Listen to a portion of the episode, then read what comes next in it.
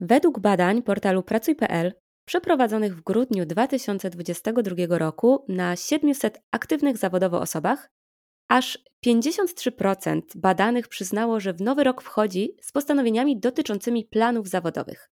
Te plany najczęściej mają związek ze zmianą pracodawcy, rozwojem kariery i podwyżką. Swoją drogą, zmiany zawodowe uznawane są za jedne z tych bardziej stresujących w naszym życiu. Dlatego w tym odcinku wraz z Doris Maklewską, specjalistką od budowania marki osobistej, porozmawiamy o tym, jak sprawić, by te plany dotyczące zmiany pracy, rozwoju kariery czy podwyżki przerodziły się w konkretne działania. Doris na co dzień uczy przedsiębiorców, freelancerów i specjalistów budować silną i skuteczną markę osobistą w sieci. Natomiast ja podzielę się z Tobą moim doświadczeniem menedżerskim w kontekście pracy z ludźmi i rozmów o kasie, rozmów rekrutacyjnych od strony pracodawcy i sposobów na przeprowadzanie skutecznych zmian. Jeśli już przebierasz nóżkami i jesteś gotowa, gotowy do pracy, to zapraszam Cię na slowtalks.pl, gdzie znajdziesz materiały od Doris i ode mnie dotyczące tego, jak przygotować się do zmiany pracy. Od zrozumienia swojej obecnej sytuacji, motywacji i oczekiwań, po stworzenie solidnej marki osobistej w sieci i CV, którym zyskasz uwagę rekruterów. Poza tym, takie przyjrzenie się sobie w kontekście zawodowym może dać Ci całkiem sporo argumentów w rozmowie o podwyżce lub zmianie ścieżki kariery w obecnej pracy. Witam Cię, Doris. Cześć, Anna. Cieszę się, że słyszymy się tutaj po raz kolejny i tym razem w sumie tak obiecałyśmy w tamtym odcinku, który nagrywałyśmy razem, że wrócimy konkretnie do tematu zmiany pracy, marki osobistej. Właśnie w tym temacie się dzisiaj słyszymy, no bo to jest coś, co wybija zazwyczaj na początku roku wraz ze wspomnianymi wcześniej postanowieniami. I może wyobraźmy sobie taką sytuację, że mamy osobę, która myśli o tym, żeby dokonać zmiany zawodowej, żeby zmienić pracę, czy żeby zmienić coś na tym stanowisku, na którym aktualnie pracuje. I pojawia się jej w głowie ta pierwsza myśl, takie ziarenko. I powiedz mi proszę, od czego ty w ogóle proponujesz zacząć taki proces zmiany? Jasne. To prawda, że ja też mam wrażenie, że początek roku wiąże się z takimi zmianami i, i teraz chodzi o to, żeby ta zmiana pracy, czy rozważanie w ogóle jakiejkolwiek zmiany w pracy nie stało się tym karnetem, mitycznym karnetem na siłownię, który mamy mhm. i nic się tam z nim nie zadziewa. W związku z tym zacznijmy od razu jak to mówią, zacznij z tym, co masz. I ja chyba w pierwszej kolejności bym poleciła spojrzeć na swój profil, na swoje działania, tak jakby spojrzał na to rekruter. Czyli oceń w ogóle swój status quo. Nie musisz do tego podchodzić super profesjonalnie. Pierwszym krokiem nie musi być zrobienie CV, tylko w ogóle mhm. spojrzenie na siebie takim trzecim okiem. Zobacz, mhm. jak wyglądają Twoje media społecznościowe, zerknij na to CV z ostatniego roku, podsumuj. To są takie rzeczy, które można zrobić lekko, łatwo. Pewnie niektórzy powiedzą, oj, w ogóle nie chcę tam patrzeć, bo to moje CV jest takie beznadziejne. Na pewno nie jest i, i jestem o tym przekonana. I jest to baza, na której możesz pracować, zamiast y, tutaj wykonywać wielki projekt zaczynania wszystkiego od nowa. To jest pierwsza rzecz, która przychodzi mi do głowy. Natomiast z punktu widzenia bycia pracownikiem, e, to kiedyś um, usłyszałam w jednym z podcastów um, swego czasu, kiedy ja zmieniałam swoją ścieżkę zawodowej, zawodową.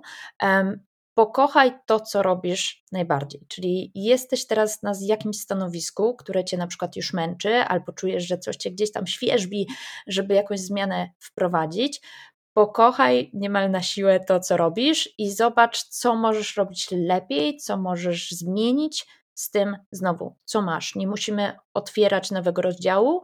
Mm, prze, przewertujmy ten, który mamy w rękach, odkurzmy to, co się dzieje w naszej aktualnej sytuacji. Mhm. Ja tak sobie myślę, że mm, ta sytuacja, ten impuls, kiedy się pojawia a propos zmiany pracy, to on właśnie może pochodzić z tego, potrzebuję czegoś nowego, potrzebuję coś, cokolwiek zmienić. Albo to, co powiedziałaś, coś mnie męczy i już dłużej nie daje rady. albo nie wiem, nie widzę dla siebie perspektyw, więc w ogóle jak zmiana to od razu przebranżowienie i rzucenie wszystkiego. Może to być też aspekt po prostu finansowy. Hej, nie jestem zadowolony z mojej obecnej sytuacji finansowej, więc y, po prostu szukam, zmieniam i, i to jest mój motywator. I ja myślę, że tak jak mówisz o tym przyglądaniu się sobie, to warto też tak się na chwilę zatrzymać i zastanowić się, dlaczego ja w ogóle myślę o tej zmianie pracy. Tak Dokładnie. zajrzeć, zajrzeć w głąb siebie i, i trochę sobie rozkminić, co jest moją motywacją, na co, na co ja chcę postawić, jakby co ma być wyznacznikiem tej mojej zmiany zawodowej, pod jakim kątem będę to obserwować. Bo to jest super, co mówisz o pokochaniu tego, co już się teraz robi, ale myślę, że fajnie zastanowić się, po co ja w ogóle chcę zmieniać. Bo może Oczywiście, moja motywacja tak. wcale nie jest związana z tym moim wiem, rozwojem kariery czy mm, pójściem naprzód z, z tym, co robię, tylko na przykład jest związana tylko i wyłącznie z pieniędzmi, co moim zdaniem nie jest złe, tylko warto to zrozumieć. Absolutnie, że tak. I w, zresztą nawiążę do tego, bo w Twoim e-booku w, w, jakby podajesz ćwiczenie dotyczące motywacji do zmiany. Czy jesteś mhm. poszukiwaczem, kupującym, urlopowiczem czy więźniem? Um, I już nie idąc szczegółowo w, w jakby rozpisanie tych ról, to samo to, że e, musimy usiąść chwilę nad kartką papieru, na przykład, musimy, nie musimy, i zastanowić się, czy ja mam taką tendencję bycia wiecznym studentem, czyli zaczynania czegoś od nowa, nowych studiów, czyli w tym wypadku nowej pracy, czy mam tę tendencję do tego, że praca jest po prostu wygodnym miejscem do zarabiania pieniędzy i nie muszę iść dalej jakby tych motywacji może być mnóstwo. I czasami, e, wiecie, jeśli mówimy o dużych zmianach u e, na przykład kobiet, to idziemy do fryzjera, tniemy grzywkę, a może wystarczy tylko to, że ktoś o nas zadba i coś poprawimy w swoim e, wyglądzie, myśląc zupełnie powierzchownie, a może wystarczy to, że przesuniemy jakby wagę naszego stanowiska i teraz odwołując się zupełnie do siebie, w momencie, kiedy ja byłam rekruterką i pracowałam w rekrutacji, w którymś momencie zaczęły mnie interesować media społecznościowe. Ja nie musiałam zmieniać pracy teraz i przechodzić do agencji, na przykład marketingowej. Ja zaczęłam tworzyć sobie przestrzeń, w której mogę te media społecznościowe zawodowo eksplorować. I na początku to było zupełnie niezwiązane z moim stanowiskiem, czyli powołałam um, kilka innych chętnych osób do takiego projektu. Zrobiliśmy audyt mediów społecznościowych innych firm. To był 2000 pewnie 14, 15 rok, więc jeszcze Instagram, rolki, firmy w mediach społecznościowych nie były aż tak rozhulane. No, a my byliśmy gdzieś tam grupą samozwańczo powołującą się, e, powołaną w zasadzie do tego, żeby, żeby się bawić tymi mediami społecznościowymi, żeby rozkręcać Instagram um, danej firmy. Co to oznacza dzisiaj? To znaczy, że moje portfolio zajmowania się mediami społecznościowymi sięga do tamtych czasów, kiedy ja byłam zatrudniona w firmie na zupełnie innym stanowisku. Potem to oczywiście ewoluowało. Oczywiście lub niekoniecznie, bo mogło ewoluować. Ja miałam szczęście do dobrych menadżerów i to potem faktycznie gdzieś tam skutkowało w zmianach na moim stanowisku, a jeśli nie, no to mogło być dobrym mm, motywatorem do tego, żeby być, żeby być dzisiaj Doris in social media e, w, we własnej firmie. To jest w ogóle super rzecz, że o tym wspomniałaś i ja z jednej strony słuchałam Ciebie, a z drugiej strony po prostu wertowałam mój mózg w poszukiwaniu nazwy tego konkretnego zjawiska, chyba tak to mogę określić, bo nie znalazłam niestety, ale jest coś takiego jak szukanie w tym, co robimy, w pracy, którą wykonujemy, rzeczy, które nas jarają i rzeczy, które chcemy odkrywać, uczyć się, poznawać. I ja wiem, że może gdzieś tam w głowie naszych słuchaczy pojawić się coś takiego, no jasne, łatwo powiedzieć. Siedzę od rana do wieczora, wykonuję dokładnie te same obowiązki, muszę robić konkretne rzeczy. Jak ja niby mam w tym, co robię, znaleźć przestrzeń na coś innego, co nie wiem, nie do końca jest takie, tak jak ty powiedziałaś, nie jest to bardzo mocno przyklejone do Twoich obowiązków, ale ja tutaj myślę, że chciałabym zaproponować takie ćwiczenie, żeby chociaż się zastanowić, czy jakaś rzecz, która ciebie jara, jaka jest rzecz, którą y, chciałabyś, chciałbyś wprowadzić, spróbować, być może jest możliwa w kontekście wykonywanych przez ciebie obowiązków. Żeby po prostu wyjść z inicjatywą, zaproponować, spróbować. Lub, no, ja w takich miejscach pracowałam, w których zostawiano pracownikom na przykład 10% czasu na taki ich rozwój i ich własne projekty.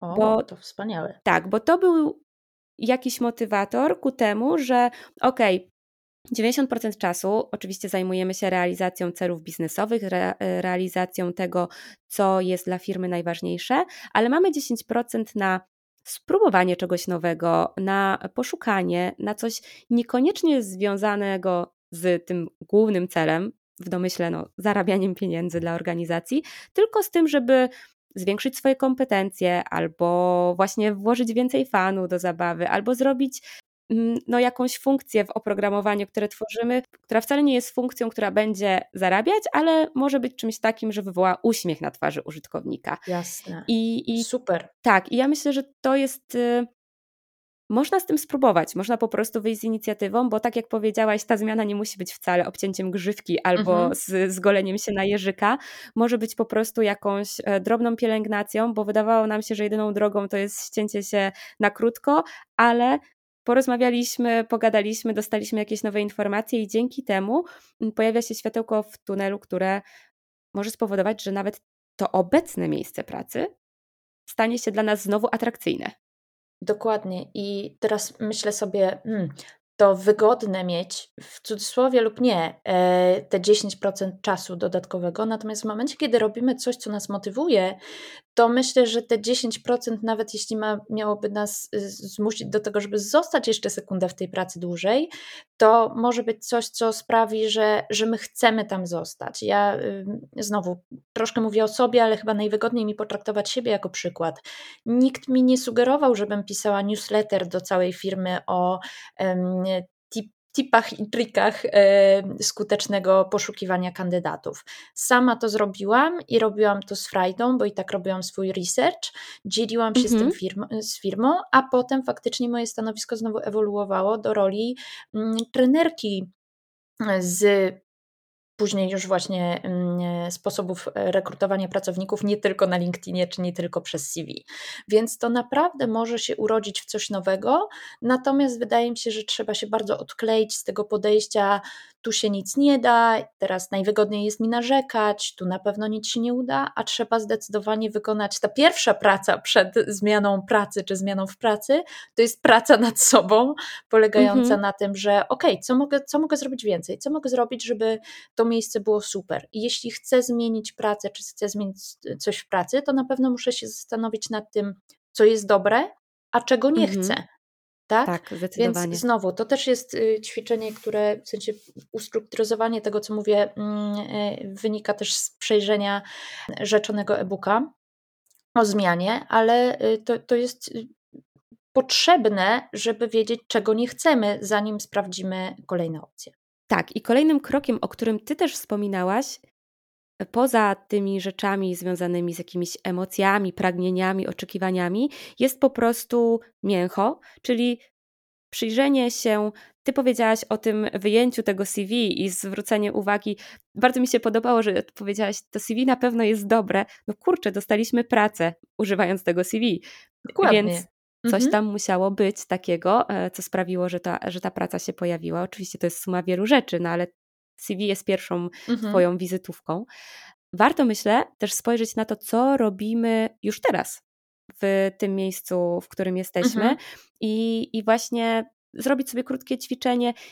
Nie od razu CV, struktura, y, słowa, mhm. czy korporacyjne, czy takie słowa y, nastawione na branżę, tylko po prostu, nie wiem, ustawić sobie stoper na 4 minuty i zrzucić z głowy, co ja właściwie już teraz robię co, e, za co mi płacą, za co co miesiąc dostaję mhm. wynagrodzenie. Ja też zawsze polecam i też wspominam o tym w rzeczonym e-booku Zmiana Pracy. Polecam zawsze zapytać, zadać sobie takie pytanie z perspektywy trzeciej osoby, co powiedziałaby moja koleżanka czy kolega, z którą pracuję na co dzień, albo iść mhm. do tej koleżanki czy kolegi i poprosić no, o feedback, poprosić, hej, słuchaj, tak robię sobie podsumowanie i tak się zastanawiam, powiedz, co widzisz, że w mojej pracy jest dobre?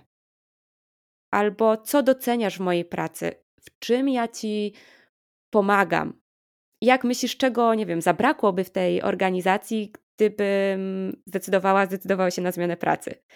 Jest dużo pytań, jakby jest dużo wiedzy w powietrzu, o, tak bym to nazwała, którą na swój temat możemy łatwiej bądź trudniej, zależy od tego, jak bardzo y, nasze umiejętności przyjmowania i proszenia o informacje zwrotne są rozwinięte, ale te informacje są.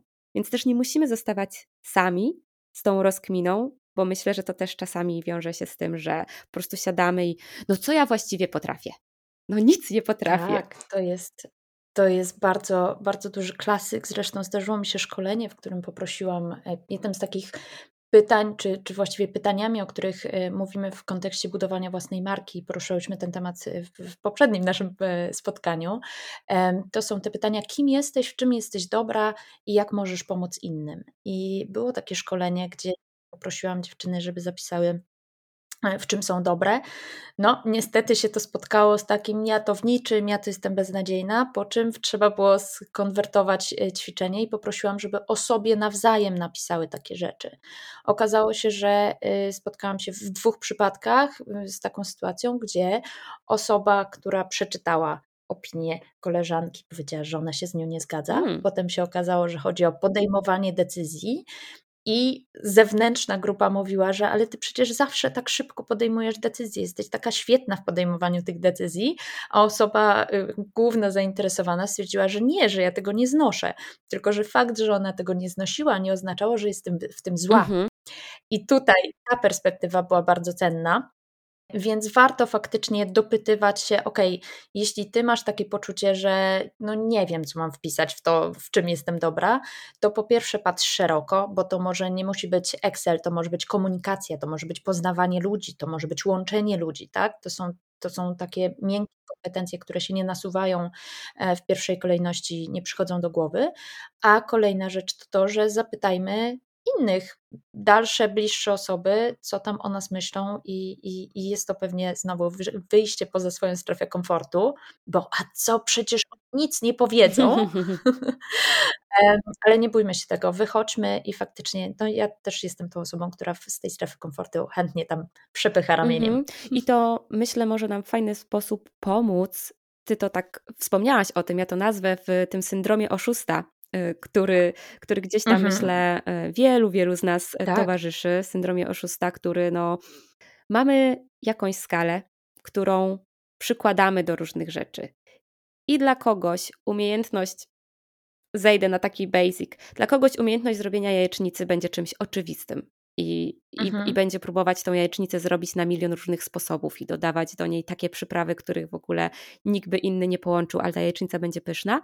A dla kogoś innego zrobienie podstawowej jajecznicy to będzie już super skill, który rozwinął, który jest wystarczający do mm, spełnienia potrzeby, jaką ma i to będzie ok. I może być tak, że ten, kto tą jajecznicę robi basicowo, najprościej jak potrafi, w sumie niedużo czasu mu zajęło mhm. przygotowanie, mhm. zdobycie tej umiejętności, będzie bardziej z siebie zadowolony niż ten, kto eksperymentuje z tym od kilku lat i przechodzi przez y, kolejne levele. To jest też taki nasz cykl rozwojowy, że w pewnym momencie mhm. zaczynamy jako nowicjusz, potem zdobywamy wiedzę, ale wciąż nie czujemy się zbyt komfortowo.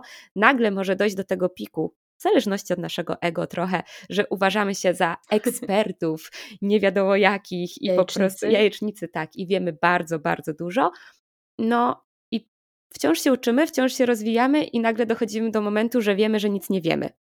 To jest naturalny cykl, tak. na, naturalna rzecz tak. i, i warto to mieć z tyłu głowy i warto też mm, właśnie spojrzeć na to, że skoro ja uważam, że jajecznica na 101 sposobów, którą potrafię przygotować, to wcale nie jest moja bardzo duża umiejętność i moja wartość, ale osoby, które są obok, są tym zachwycone, doceniają mnie, nie potrafią nacieszyć się i nadziwić, jak można zrobić jajecznicę na 101 sposobów, to może warto posłuchać tego, co jest dookoła, zejść trochę z siebie i docenić, że mhm. ej, umiem zrobić jajecznicę na 101 sposobów. Wow, to jest coś. Fajnie będzie ją umieć zrobić na 1001 sposobów, ale dobra, do wszystkiego dojdę w swoim czasie. To jest fantastyczne, co mówisz. Co więcej, jakby automatycznie pomyślałam o tym, jak są wpisywane hobby w CV mhm. i czasami jest to sport, gotowanie, y, podróże, a można napisać zamiast gotowanie umiem zrobić jajecznicę na 101 sposobów. To by na pewno chwyciło uwagę. To jakby konkrety. Dokładnie, dokładnie. I to jest taka sekcja mm, dla mnie jako osoby, która szukała pracowników i myślę, że kilkadziesiąt rozmów rekrutacyjnych e, przeprowadziła w swoim życiu, to ta sekcja zainteresowań była taką interesującą dla mnie sekcją, Och, o, tak to nazwę, tak. że ona, mhm. ona przyciągała moją uwagę tak na samym końcu, ale w kontekście, okej, okay, jestem ciekawa, co takiego robisz osobo. I dobra, pogadajmy o tym chwilę, żeby może luźniejszy wątek wpleść, a za chwilę przejdziemy do, do, do budowania marki, bo mm, to jest coś, od czego pewnie mało osób zaczyna tworzenie swojego CV. Czyli Absolutnie. dobra, zacznijmy od tego, czym się interesuje. Ale właśnie tak z mojej perspektywy i tak jak widzę, jak mi tutaj przytakujesz, podejrzewam, że z twojej, to jest fajna rzecz, żeby pokazać siebie, o, to będzie to płynne nawiązanie do marki osobistej, żeby pokazać siebie od tej mniej zawodowej strony. Oczywiście wybór pozostaje w nas. Czy chcemy na ten grunt prywatny wchodzić, czy nie chcemy, to nie jest tak, że mhm. to musi być. Ja po prostu pamiętam, że uśmiechałam się wtedy, kiedy czytałam na przykład w hobby że ktoś potrafi zrobić tą jajecznicę na 101 sposób. Dokładnie. Albo że ma takie zainteresowanie, którego nie rozumiem, zainteresowanie książki, podróże mówiły mi ok, czyli wiem, że nic nie wiem i czasami pokusiłam się mhm. na rozmowie o zapytanie, ok, mówisz tutaj o książkach, a jakie to są książki? Mhm. No i czasami dochodziło do sytuacji, że no różne. Różne biografie, tak, dokładnie, to, to było to. Ja y, przytakuję Ci bardzo intensywnie w tym momencie, dlatego że dla mnie faktycznie w momencie, kiedy mówimy o budowie CV, to, to y, te zainteresowania spadają gdzieś tam na ostatnie miejsce, że to taki, o, ewentualnie ktoś tam dopisze. Y, natomiast uważam, że y, zainteresowania czy hobby mówią o nas bardzo dużo, e, a zwłaszcza to, jak je opiszemy, bo e, ta sekcja jest też takim wskazówką dla rekrutera czy osoby, która rozmawia e, na temat zmiany zawodowej osoby zainteresowanej, często okazją do smoltoka. Tak? Tych smoltoków tak. bardzo nie lubimy, więc często zamiast rozmawiać o pogodzie, odwołujemy się do tego, co ta dana osoba, która nam to CV przesłała, może lubić, a skoro ona to lubi, to może być to też taki mm, trik do tego, żeby ona się rozluźniła, żeby ta rozmowa nie była sztywna, tylko rozmawiamy o tym, co ta osoba lubi. Ale jeśli osoba, jeśli nasz kandydat wpisał w swoje CV powiedzmy sobie kolokwialnie randomowo, gotowanie, sport i tak dalej i nie wie, co na to pytanie odpowiedzieć, no to całe rozluźnienie z głowy. Ja bardzo. Mhm, robi się niezręcznie. Dokładnie. W momencie, kiedy rekrutowałam do firmy Apple, do Apple Store'ów we Francji, e, naszym zadaniem jako rekruterów była wytyczna: słuchajcie, szukamy ludzi, z którymi chcecie pójść na kawę. Dlatego to CV czy te, to hobby było właściwie kluczowe. Ja często się potrafiłam zagadać na temat tego, że ktoś podróżuje, a jakiego ma bloga, a co robi. To było super e, ujmujące.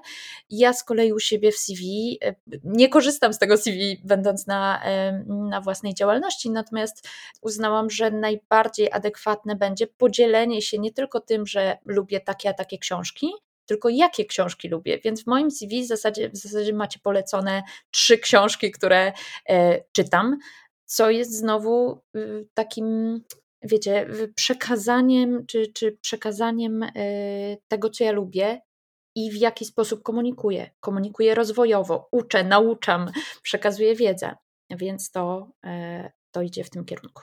To jeszcze tylko w tym wątku dorzucę, że na poziomie takim nieświadomym bardzo często, my poszukujemy osób, z którymi będziemy współpracować, które są podobne do nas. Mówię na poziomie e, podświadomym, dlatego że na przykład taki świadomy menadżer, który rozumie, że budowanie zespołu polega na zbudowaniu jego z różnorodnych jednostek. To nie jest tak, że dobiorę sobie tylko te osoby, z którymi super mi się gada, mam super small talk i najlepiej mamy wspólne zainteresowania, bo ten zespół mhm. wtedy będzie jednorodny i nie mhm, będzie w stanie tak. wytworzyć tak. takiej wartości, jak zespół złożony z różnych jednostek.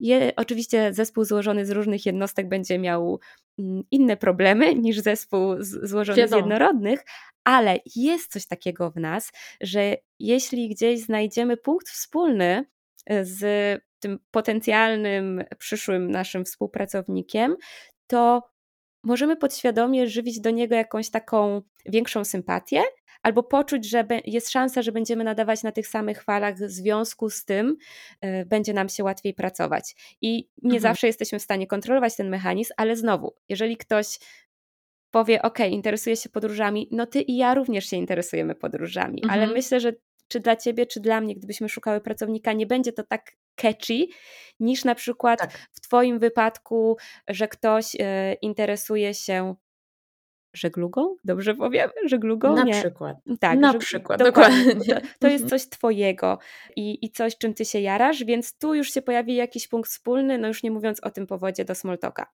Oczywiście, że tak. Jakby z założenia szukamy mm, przynależności w grupie, więc tak, wyszłyśmy na te zainteresowania, ale one się w sumie płynnie łączą z, tym, z tą marką osobistą, bo jednak to, co robimy w wolnym czasie, albo to, co nas jara, mhm. jest poniekąd jakimś paliwem napędowym do naszej pracy i jest poniekąd jakimś wyznacznikiem mhm. tego, jak pracujemy, jakie zadania mogą nas potencjalnie interesować, a jakie mogą być tymi, których nie bardzo chcielibyśmy mhm. wykonywać.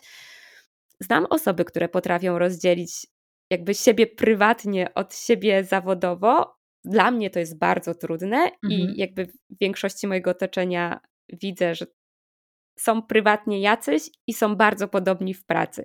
Więc teraz jakbyśmy mogły mhm. przejść jeszcze raz do tego wątku marki osobistej. Poruszałyśmy go w tym 27 odcinku podcastu, ale tam go lekko dotknęłyśmy. Ale chciałabym, żebyśmy wróciły i żebyś powiedziała, czym ta marka osobista jest. Więc ja używam trzech definicji zasadniczo do wytłumaczenia marki osobistej. Taką chyba najbardziej popularną jest to, że co mówią o nas ludzie, kiedy wyjdziemy z pokoju.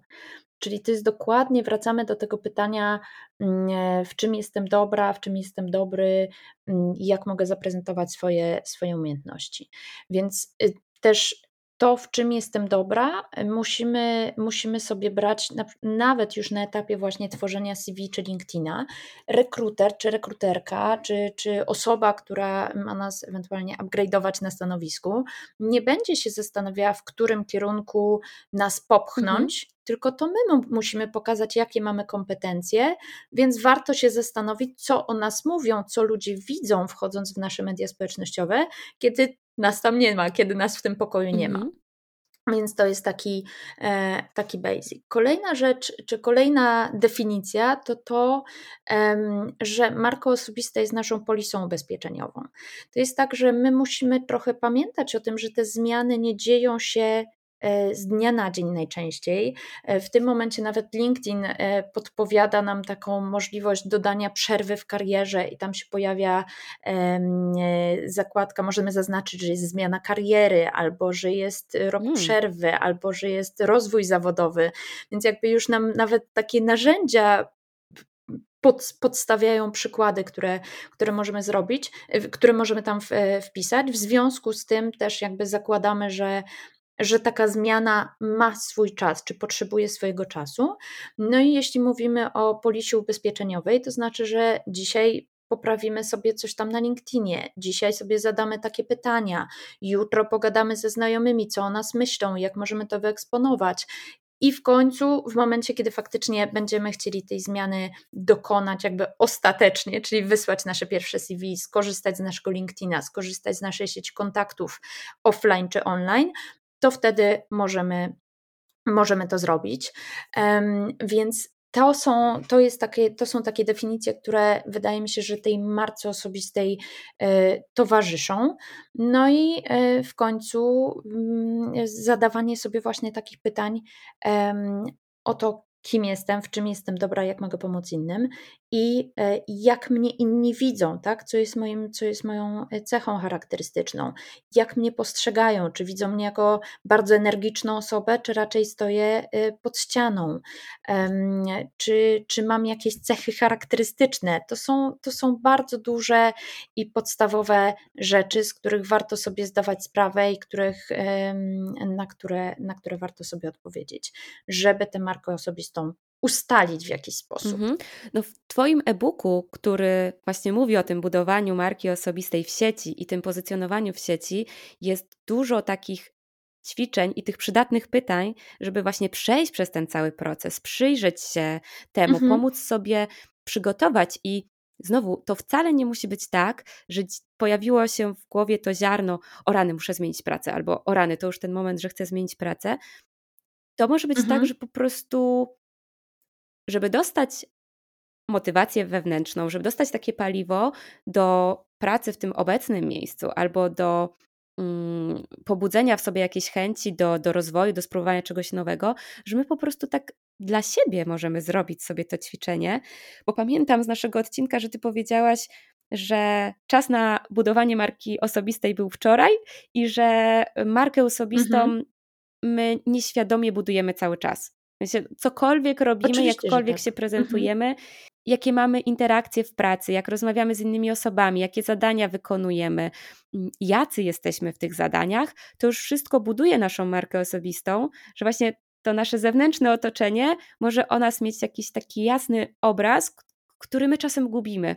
No bo pełnimy też dużo ról, jesteśmy tak. pracownikami, nie wiem, rodzicami, przyjaciółkami, jest dużo ról, które pełnimy. Ten, ta rola w pracy jest jedną z nich, aczkolwiek myślę, że warto tak dla właśnie poćwiczenia swojej głowy, dla znalezienia tych fajnych rzeczy, które są w nas, wziąć te Twoje pytania, które zadajesz w kontekście budowania marki i po prostu przyjrzeć się sobie, żeby potem się nie okazało, że nagle siadamy do tego ćwiczenia po 3, 5, 10 latach i wydaje nam się, że to wszystko to jest po prostu wielka góra lodowa, której nigdy w życiu nie pokonamy. Jasne. I e, to, to, też jest tak, że ja się uśmiecham za każdym razem, kiedy ty mówisz, że wracamy teraz do tematu marki osobistej. Ja, ja uważam, że on obejmuje w zasadzie wszystko to, co robimy, więc tak. nawet nie da się od niego uciec e, literalnie, bo to jest tak, jak Wacławik mówił, że człowiek nie może nie komunikować, to ja uważam, że człowiek nie może nie mieć marki osobistej. On ją ma i teraz powiedziałam o dwóch definicjach, teraz dokładam trzecią, że to jest zarządzanie wrażeniem. Więc ta marka osobista mhm. To jest wzięcie, właściwie praca nad własną marką osobistą, to jest przejęcie kontroli nad tym, co inni widzą. Czyli mhm. wyeksponowanie jej w jakiś sposób. Albo będziemy sobie klasycznym pracownikiem z opisem stanowiska, na przykład na LinkedInie czy, czy w CV, albo naddamy temu gęstości i dopiszemy właśnie, z, sprawimy, że te nasze zainteresowania będą jeszcze bardziej interesujące dla kogoś, kto to czyta, albo weźmiemy ten element profil zawodowy na Instagramie, tudzież, yy, przepraszam, na CV, albo yy, sekcję o mnie na LinkedInie i tam też wyeksponujemy te rzeczy, które chcemy, żeby ktoś przeczytał, i żeby on na ich podstawie coś wywnioskował. Więc to wszystko mhm. jest bardzo powiązane i po prostu dorzucajmy dzisiaj, to wiecie, jak, jak, jak z właściwie wiesz, Asiu, jak z mhm. oszczędzaniem, mhm. czyli dorzucam dzisiaj e, złotówkę, a wyciągam za jakiś czas większą sumę e, pieniędzy. I dokładnie tak samo jest z marką. Dzisiaj coś poprawię, dziś sobie zadam pytanie, dziś się zastanowię, tak, i to będzie suma tych małych kroków, suma tych małych zmian przyniesie coś większego, ale znowu ja też myślę, że taki, ja to nazywam health checkiem. Taki health check też, też właśnie w tym e-booku a propos zmiany pracy jest, żeby się przyjrzeć tej swojej pracy, ale myślę, że taki osobisty health check, żeby sobie weryfikować, co robię, gdzie jestem, jak się z tym wszystkim czuję, jak mi z tym idzie, bo być może w ten sposób znajdziemy jakieś pole do usprawnień i to wcale nie będzie musiało być coś ogromnego. Ale dobra, jakby chcesz jeszcze skomentować? Y, chciałam tylko dołożyć, że a propos tego health checka, że on jest o tyle dla mnie ciekawy, że on nie patrzy wyłącznie w przeszłość i w to, co się dzieje teraz, mhm. ale patrzy w przyszłość. I nagle możemy się zorientować, że ale jak to, to nie pomyślałam o tym, żeby się zastanowić, jak długo będę jeszcze miała taką pensję, a nie inną, albo jak długo jeszcze będę wykonywać te zadania. Więc um, to jest duża wartość tego ćwiczenia też. Mhm. To teraz już bym przeszła tak stricte do tego procesu szukania, szukania pracy, mhm. bo mhm. może zacznijmy od tego, to już gdzieś tam się przemycało, ale jak ta marka osobista, może na razie tylko w naszej głowie, która, mhm. która gdzieś tam zaczęła się mm, krystalizować, tak bym, że odpowiedzieliśmy mhm. sobie na te pytania, przeszliśmy ten proces przyjrzenia się sobie.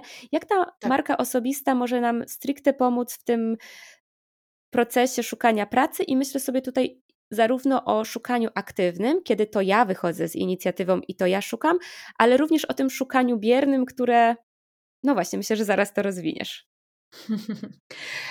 To jest ten moment, kiedy ja wracam do, do, do pierwszej części naszego spotkania też. Co gdybym sama miała, sam, sama miała się zrekrutować? Mhm. Spójrzmy na to z zewnątrz. Czy ta marka osobista, czy jakby z tych mediów społecznościowych, czy z tego, co ja wysyłam na etapie rekrutacji, wynika, na jakie stanowisko chcę się dostać, w którym kierunku chcę się rozwijać? Czy to jest tak, że no właściwie to nie wiadomo. Niech osoba, która mnie zatrudnia, która ma mnie znaleźć, zgadnie, do czego się nadaje. To zupełnie, to zupełnie nie o to chodzi. Więc to, że my wiemy, kim jesteśmy, że my zadajemy sobie te pytania, że my eksponujemy to w mediach społecznościowych, mówię tutaj o LinkedInie głównie, ale teraz też jest, są takie czasy, że e, rekruterzy y, sprawdzają wszelkie inne media społecznościowe. Ja sama rekrutowałam i na Twitterze, i na y, Facebooku. E, czasami mi się zdarzyło podejrzeć Instagram, bo w sumie czemu nie? Jeśli jest dostępny, to znaczy, że y, to jest y, warte sprawdzenia. Jeśli jest zablokowany, no to tym lepiej. To jakby nie muszę się tam dobijać z ukrytego konta. Mm, natomiast to, to, to sprawdzenie, e, zrobienie takiego audytu własnych mediów społecznościowych, zrobienie e, weryfikacji tego, co, co co rekruter potencjalny widzi, albo co, nas, co nasz potencjalny pracodawca widzi, albo nawet aktualny pracodawca, bo z tego sobie możemy nawet nie zdawać sprawy, że tam, o, gdzieś tam przyjęliśmy szefa po imprezie wigilijnej e, na swojego Facebooka i teraz, czy na pewno wszystko jest ok. Więc to są, to są takie rzeczy, które, które warto usprawnić i zastanowić się, czy zatrudniłabym siebie. E, a potem jest faktycznie mm, prze, przeglądanie tego, jak możemy szukać pracy, bo znowu to nie jest wyłącznie LinkedIn czy wyłącznie pracuj.pl, to jest kilka różnych portali, na które możemy e, wysyłać swoje CV, możemy wysyłać swoje aplikacje, które są już poprawnione i usprawnione. Mhm. No tak, z jednej strony my możemy, jakby to jest, wydaje mi się, najczęstsza myśl, jeżeli mowa o szukaniu pracy, czyli robię CV, może czasem jakiś list motywacyjny, czy jakiś dodatkowy dokument, który jest, na który jest zapotrzebowanie, wysyłam i czekam. No ale z drugiej strony, tak sobie myślę, że jeżeli ta marka osobista jest y, fajnie skonstruowana, fajnie mam na myśli zachęcająco, jasno, kiedy komunikujemy, że na przykład jesteśmy otwarci na szukanie pracy, e, to możemy sprawić, że ta praca, którą włożyliśmy w lepsze określenie siebie, w wyeksponowanie tych swoich walorów i e, dobrą komunikację z rynkiem pracy, możemy sprawić, że ta praca przyjdzie do nas, że tak wypozycjonujemy się w tych mediach społecznościowych. No tutaj LinkedIn jest, myślę, tym e, numer jeden, ale nie tylko, jak wspomniałaś, ale możemy w taki sposób tym wszystkim zarządzić, że to my sami podsuniemy się rekruterowi i sami w nim zasiejemy ziarno, że ej, to jest osoba, której ja chyba potrzebuję. Dokładnie, więc y, ja mam y, dwie, myśli tutaj. Pierwsza rzecz to jeśli wysyłamy to CV w dane różne miejsca, to wysyłajmy je w taki sposób, żeby to było CV dostosowane do danego stanowiska. Czyli person- jakby rozpiszmy je w sposób bardziej adekwatny pod konkretne stanowiska. My możemy cały czas szukać e, pracy w mediach społecznościowych, mówiąc bardzo ogólnikowo, ale albo możemy być menadżerem kanałów społecznościowych, albo możemy być copywriterem, albo możemy zajmować się wyłącznie grafikami w kanwie i to cały czas są już trzy różne CV. To nie jest jedno CV, które jedzie, jedzie do, jednej, do, jednego, mm, mhm. do jednej firmy. To jest jedna rzecz. A jeśli mówimy o LinkedInie, bo to jest mój konik i jakby od tego chcemy teraz wyjść. Tutaj jakby LinkedIn już będzie bardziej ogólny czy ogólnikowy, natomiast LinkedIn jest siecią społecznościową. To nie jest portal, na którym to nasze CV wisi i już nic z tym nie zrobimy. Jeśli dbamy o, swoją, o swój personal brand na LinkedInie, to możemy go traktować jak strona internetowa, poczynając od tego adresu URL y, strony internetowej, y, przechodząc przez y, największe elementy graficzne, czyli zdjęcie w tle, zdjęcie w tle dla jednej osoby i dla nawet znowu z tej, z tej samej branży może być inne, ale mogą tam się też znaleźć nasze dane kontaktowe, a nie zdjęcie z pieskiem. Może, możemy przejść do nagłówka, praca nas nie definiuje, a nagłówek ma tam 270 znaków w tym momencie, więc my możemy oczywiście napisać project manager, ale możemy napisać, co tego project managera kręci, mówiąc wprost, czyli na co stawia. Oprócz y, słów kluczy typu kompetencje, to jeszcze jakieś na przykład wartości.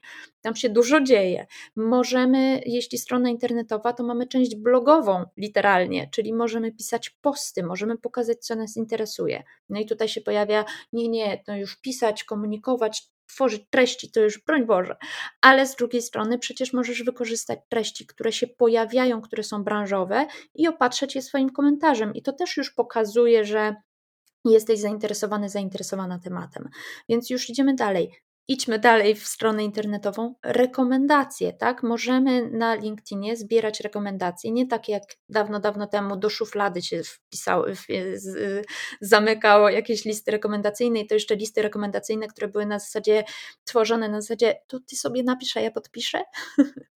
E, wychodzimy z tego, mamy to na LinkedInie, tak jak na stronie internetowej mamy sekcję opinie e, klientów, więc tam jest absolutnie mnóstwo rzeczy, które możemy już wykorzystać pod kątem zbierania, uwaga, kolejne słowo klucz, słów kluczy. Tak? Czyli jeśli rekruter szuka znowu project manager albo social media ninja, to jeśli te słowa klucze pojawią się w ciągu e, tworzenia naszego profilu na LinkedIn, to automatycznie, to tak jak, tak jak wyszukiwarki internetowe nam wyrzucą niebieskie jeansy z Zary w którymś momencie, tak, my powinniśmy być tymi niebieskimi jeansami w Zarze, e, z Zary w momencie, kiedy ktoś nas poszukuje po e, naszych kompetencjach. I last but not least, sieć społecznościowa. Tak? To nie jest rzucanie wizytówkami w rekruterów, tylko możemy napisać do rekrutera śmiało: Dzień dobry, aktualnie poszukuję mm, nowych e, wyzwań w, pracy, w związku z tym zapraszam do sieci kontaktów. Nie musimy od razu tam namawiać rekrutera do podsyłania nam ofert, to zupełnie nie o to chodzi, ale możemy wykorzystać spersonalizowane zaproszenie 300 znaków do tego, żeby komuś podać naszą wizytówkę grzecznie, a nie rzucić w nią osobę, wysyłając po prostu zaproszenie do kontaktu. Możemy zrobić follow-up e, nawet tego, że wysłaliśmy gdzieś CV i potem kontaktujemy taką osobę na LinkedInie, rekrutera na LinkedInie bezpośrednio, żeby dać o sobie znać. I to jest wszystko.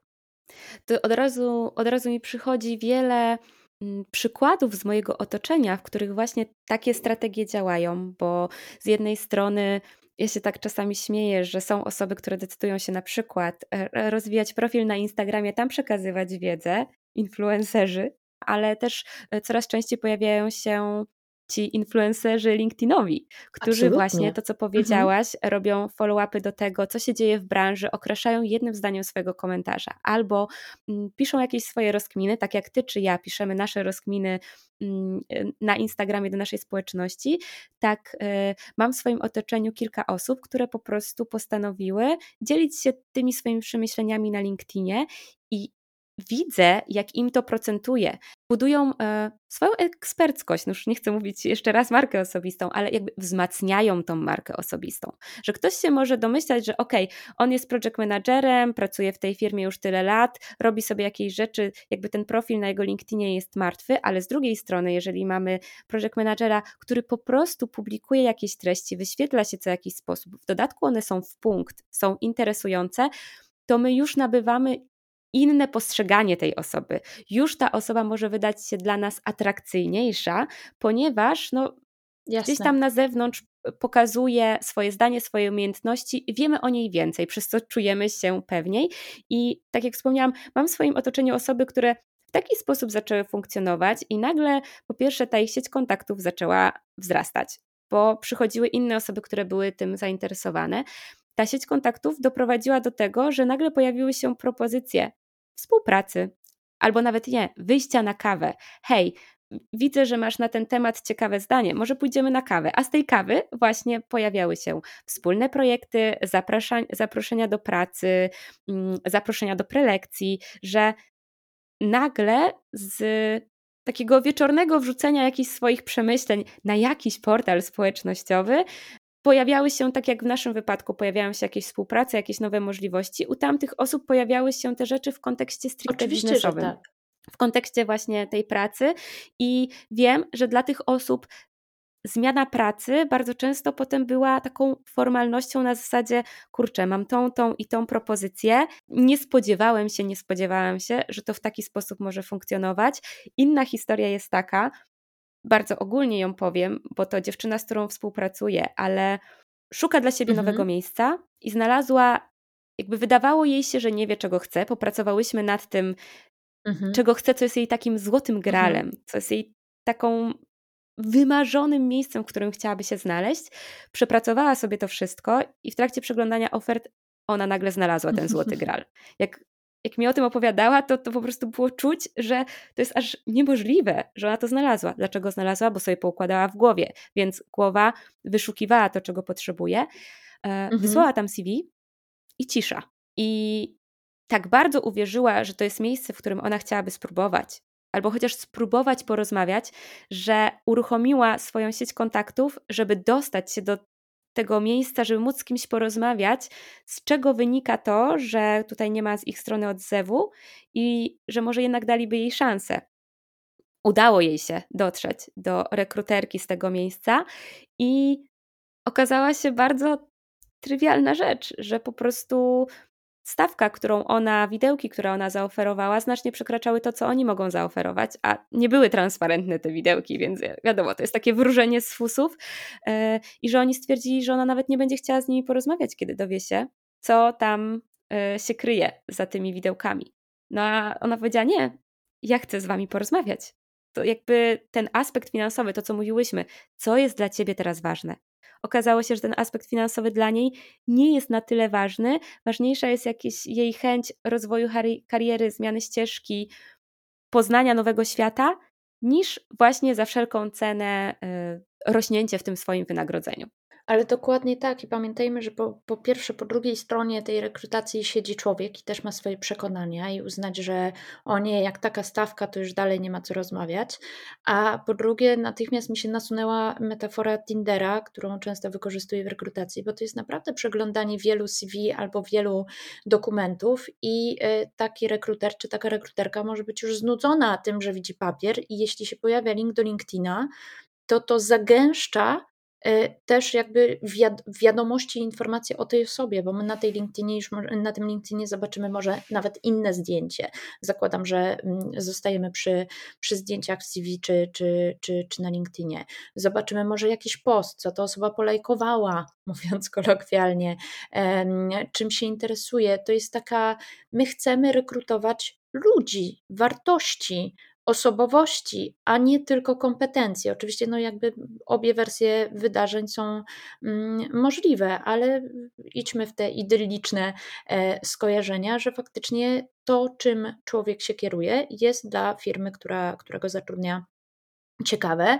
Chcemy też jakby zobaczyć, jak y, inna osoba się rozwijała. CV to jest papier.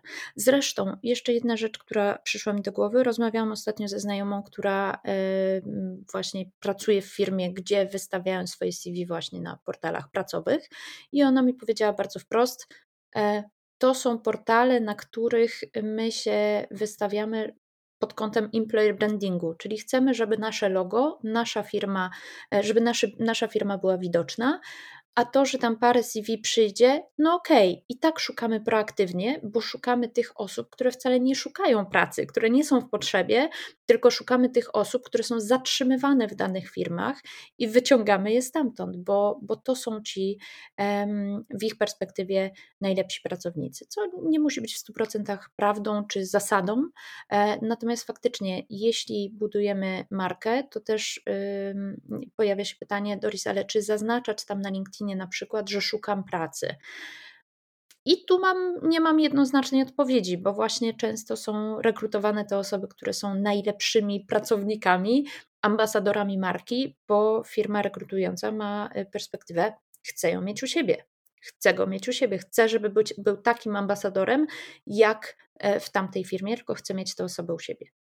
To teraz jeszcze bym mm, przeszła do CV, bo i zarówno w materiałach od ciebie, czy ode mnie, które, jak wspomniałam na początku, można znaleźć teraz na slowtalks.pl, tam jakby dajemy taki totalny konkret, jak zrewidować to swoje CV, jakie elementy zawrzeć, na jakie pytania poszczególnie sobie odpowiedzieć, żeby móc mm, ten dokument swój skonstruować. Dajemy takie wskazówki mm, dotyczące tego, co warto, żeby się tam pojawiło, a co może zostawić, jaką strukturę ułożyć w zależności od tego, w jakiej sytuacji zawodowej się jest. Ale powiedz mi, jak ty teraz patrzysz na CV? Czy CV wystarczy? No właśnie nie do końca. E, to jest bardzo ciekawe, bo jest bardzo dużo porad, jak napisać CV, czy wystarczy ono w, w, w rekrutacji i tak dalej, a to jest to, do czego się odwołam jeszcze raz. CV jest dokumentem.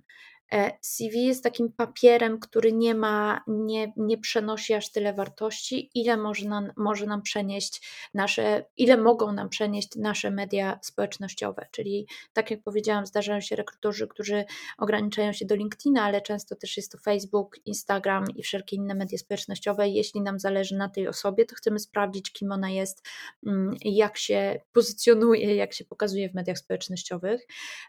Więc, więc to CV nie tylko, jakby może nie wystarczyć. Idąc dalej, CV ma nam załatwić rozmowę kwalifikacyjną, a niekoniecznie za, zapewnić nam zatrudnienie, więc to CV też musi być tak skonstruowane, jakbyśmy pamiętali, że po tej drugiej stronie siedzi osoba, czyli ona potrzebuje trzech, pięciu bullet pointów, kropek zdań opisujących nasze stanowiska pod kątem przyszłego stanowiska. E, warto, warto tam zaznaczyć e, słowa klucze znowu, takie, które się powtarzają na przykład w tym, w tym opisie stanowiska, na które aplikujemy. Znowu, ja jestem, tak jak ty, wielką zwolenniczką zainteresowań, bo to też nam daje więcej informacji często o sobie niż, same, niż samo wypisanie konkretnych, e, konkretnych kompetencji. To CV nie musi mieć, nie wiem, tak jak się często mówi, że CV się musi zamykać na jednej stronie. Nie musi. Niech się zamyka na dwóch, niech klauzula oczywiście o poufności danych będzie na, na obu tych stronach, ale niech to będzie dobre CV, a nie za, włożone w takie ramki, które są niewygodne do spełnienia. Tak, i tu chyba znowu mogłoby się pojawić to spojrzenie z perspektywy tej osoby, która to CV przegląda.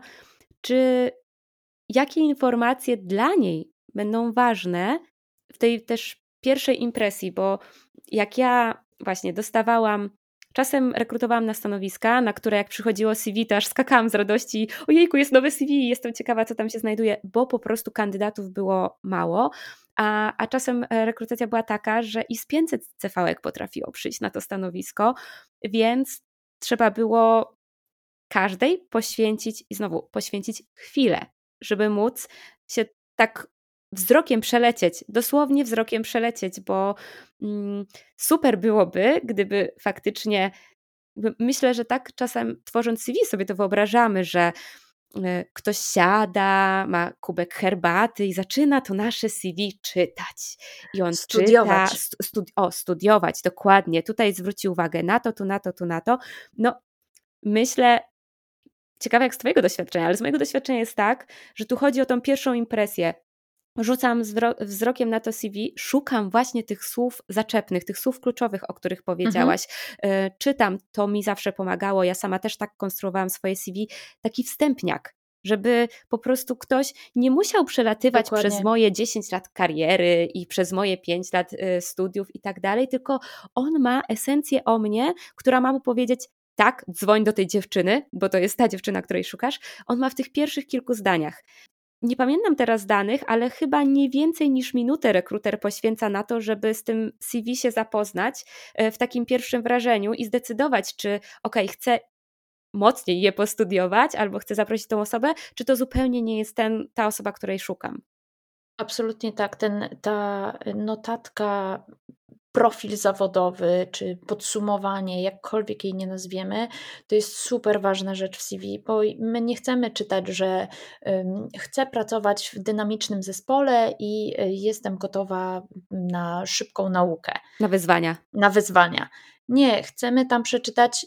Mówi się w sprzedaży bardzo często o języku korzyści i z jakiegoś powodu nie mówi się w kontekście CV o języku korzyści, e, czyli co osoba, która to czyta, ma z tego, że to czyta. I my chcemy, żeby rekruter miał to, że jest w bezpiecznym miejscu i ma osobę, do której ma chwycić telefon i zadzwonić. To też jest tak, że y, zbyt kreatywne napisanie CV też przeszkadza, dlatego że jeśli nagle Oj, ja tak. mam szukać numeru telefonu w jakimś y, lewym rogu y, zaraz za mailem, to też jest niewygodne, więc znowu też pamiętajmy o tym, e, jak to CV napisać, żeby ktoś je łatwo odczytywał. E, no i dlatego też znowu w parze z LinkedInem idzie to, że y, LinkedIn ma jakiś stały układ, więc wiemy, gdzie szukać informacji kontaktowych. Kwestia tylko tego, czy one tam są i czy nie mamy jakiegoś maila z podstawówki. To jest, e, to jest jeszcze ten wątek. I kolejna rzecz to to, pomyślałam o tym, jak, jak rozmawiałaś o, mówiłaś o tym, że mamy tylko chwilę na przejrzenie tego CV, a ja chciałam się odnieść do tego zarządzania wrażeniem. Tak? CV też wywołuje jakąś, tak jak powiedziałaś, pierwszą impresję czy pierwsze wrażenie. Może być pomarańczowe, tak? Może mieć, nie wiem, pomarańczową ramkę. Będzie wywoływało, in, wywoływało inne emocje niż jeśli będzie tylko szaro-czarne, albo może mieć jakąś ramkę z zawiasem, albo może być super e, prościutkie, tak? I takie mm, skromne. Więc każda z tych rzeczy czy tego chcemy, czy nie, będzie oddziaływała na to, jak je widzimy. Jeśli mamy, mm, jeśli widzimy koło, to to koło będzie stanowiło o spójności i będzie przywoływało, przywoływało skojarzenie ze spójnością, zamkniętym procesem, a jeśli trójkąty, to ze wzrostem i jakąś stabilizacją. Mówię tylko o figurach geometrycznych, które wywołują w nas emocje, bo tak jest skonstruowany nasz mózg. I warto o tym pamiętać też pisząc nasze dokumenty aplikacyjne, niezależnie od tego, czy są to dokumenty do zewnętrznej firmy, czy do tego, żeby mm, zmieniać pracę wewnątrz firmy, w której się znajdujemy. Mhm. No, jeszcze raz przywołam, że więcej takich konkretów i, i tego, jak tą strukturę w ogóle ułożyć, jak potem napełnić tą strukturę, znajdziecie słuchacze, słuchaczki w tych materiałach, które e, razem w Stories przygotowałyśmy, w jej e-booku mówiącym o tym, jak skonstruować CV oraz u mnie w zmianie pracy. Niektóre rzeczy są tam podobne, w niektórych rzeczach się fajnie uzupełniamy, więc myślę, że te, dwie rzeczy razem mogą w fajny sposób po prostu dać taką jasną strukturę i pomóc w zrzuceniu tych swoich myśli na ten papier, na to swoje CV, które, które będzie tą naszą wizytówką. No i teraz na sam koniec jeszcze chciałam zostawić temat. Podjęliśmy decyzję o zmianie pracy przepracowaliśmy sobie mnóstwo wątków w głowie. Wiemy, czego chcemy, jaką mamy motywację, mm, co jest dla nas ważne. Rozpoczynamy szukać, szukamy y, aktywnie, pracujemy nad naszym LinkedInem, mediami społecznościowymi, rozmawiamy ze znajomymi, czy być może ktoś nie wie, że kogoś takiego szukają. Gdzieś tam się zaczynamy wyświetlać, zaczynamy mm, wkładać energię w to, żeby e, gdzieś przyciągnąć tą energię tej nowej pracy, nowej pozycji. Mamy CV, wysyłamy, zostajemy zaproszeni na rozmowę. Pewnie o rozmowie to mógłby być osobny odcinek, ale przechodzimy przez ten proces rozmowy i przychodzi ten moment, kiedy wiemy, że pracę zmieniamy. I teraz, jak przysłowiowo rzucić tą pracę, w której jesteśmy teraz, tak aby nie palić za sobą mostów? Bardzo ważne pytanie. Przede wszystkim właśnie to niepalenie mostów jest dla mnie takim e, bardzo oddziałowującym na mnie wątkiem. Poznałam wiele osób, które nagle się okazało, że wieszały psy na poprzednim pracodawcy i, i to, jak ten proces wyglądał, był naprawdę karygodny. E, w związku z tym, jakby całe rzucanie pracy, tak naprawdę, zaczyna się dokładnie mocno wcześniej, czyli tym przygotowaniem do, tego, do, tej, do tej zmiany pracy. I oczywiście to też w zależności od tego, jak jesteśmy mm, zaprzyjaźnieni z naszym aktualnym pracodawcą, można o tym powiedzieć wcześniej. Można przygotować to, żeby ktoś wszedł na nasze stanowisko, można dać informacje pracodawcy i takie heads up, o tym, że ta praca będzie e, zmieniona. Wydaje mi się, że przede wszystkim to jest e, jakby samo, samo rzucenie pracy, znowu zaczyna się od tej autorefleksji, tego procesu e, szukania pracy, natomiast później to są wyłącznie załagadzanie tego, że my znowu możemy do tego naszego pierwszego pracodawcy wrócić i co zrobić, żebyśmy wszyscy czuli się w tym komfortowo. Też w momencie, kiedy rzucamy pracę, tudzież szukamy pracy tak, na, e, pracy tak naprawdę, znowu możemy e, szukać tych rekomendacji. To jest dobry czas na podsumowania, to jest czas na ok, jeśli rzucamy tę pracę, to możemy też rzucić tę kolejną, co zrobić, żeby być, e, mieć uzupełniony pakiet informacji, z którymi wychodzimy z danej firmy. No dobra, super.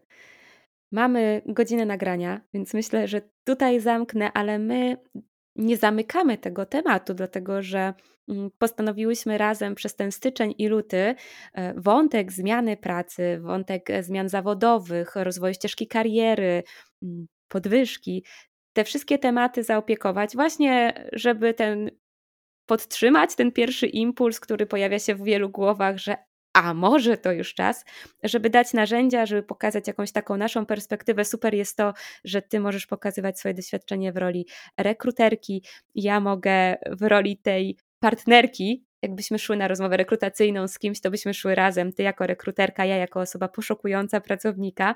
Więc myślę, że to jest całkiem spoko y, duet, który tutaj tworzymy. I jeszcze nie mamy konkretów, ale gdzieś na przełomie stycznia i lutego planujemy webinar, e, może jeden, może dwa, zobaczymy jak to wyjdzie, rozwijający ten wątek zmiany pracy.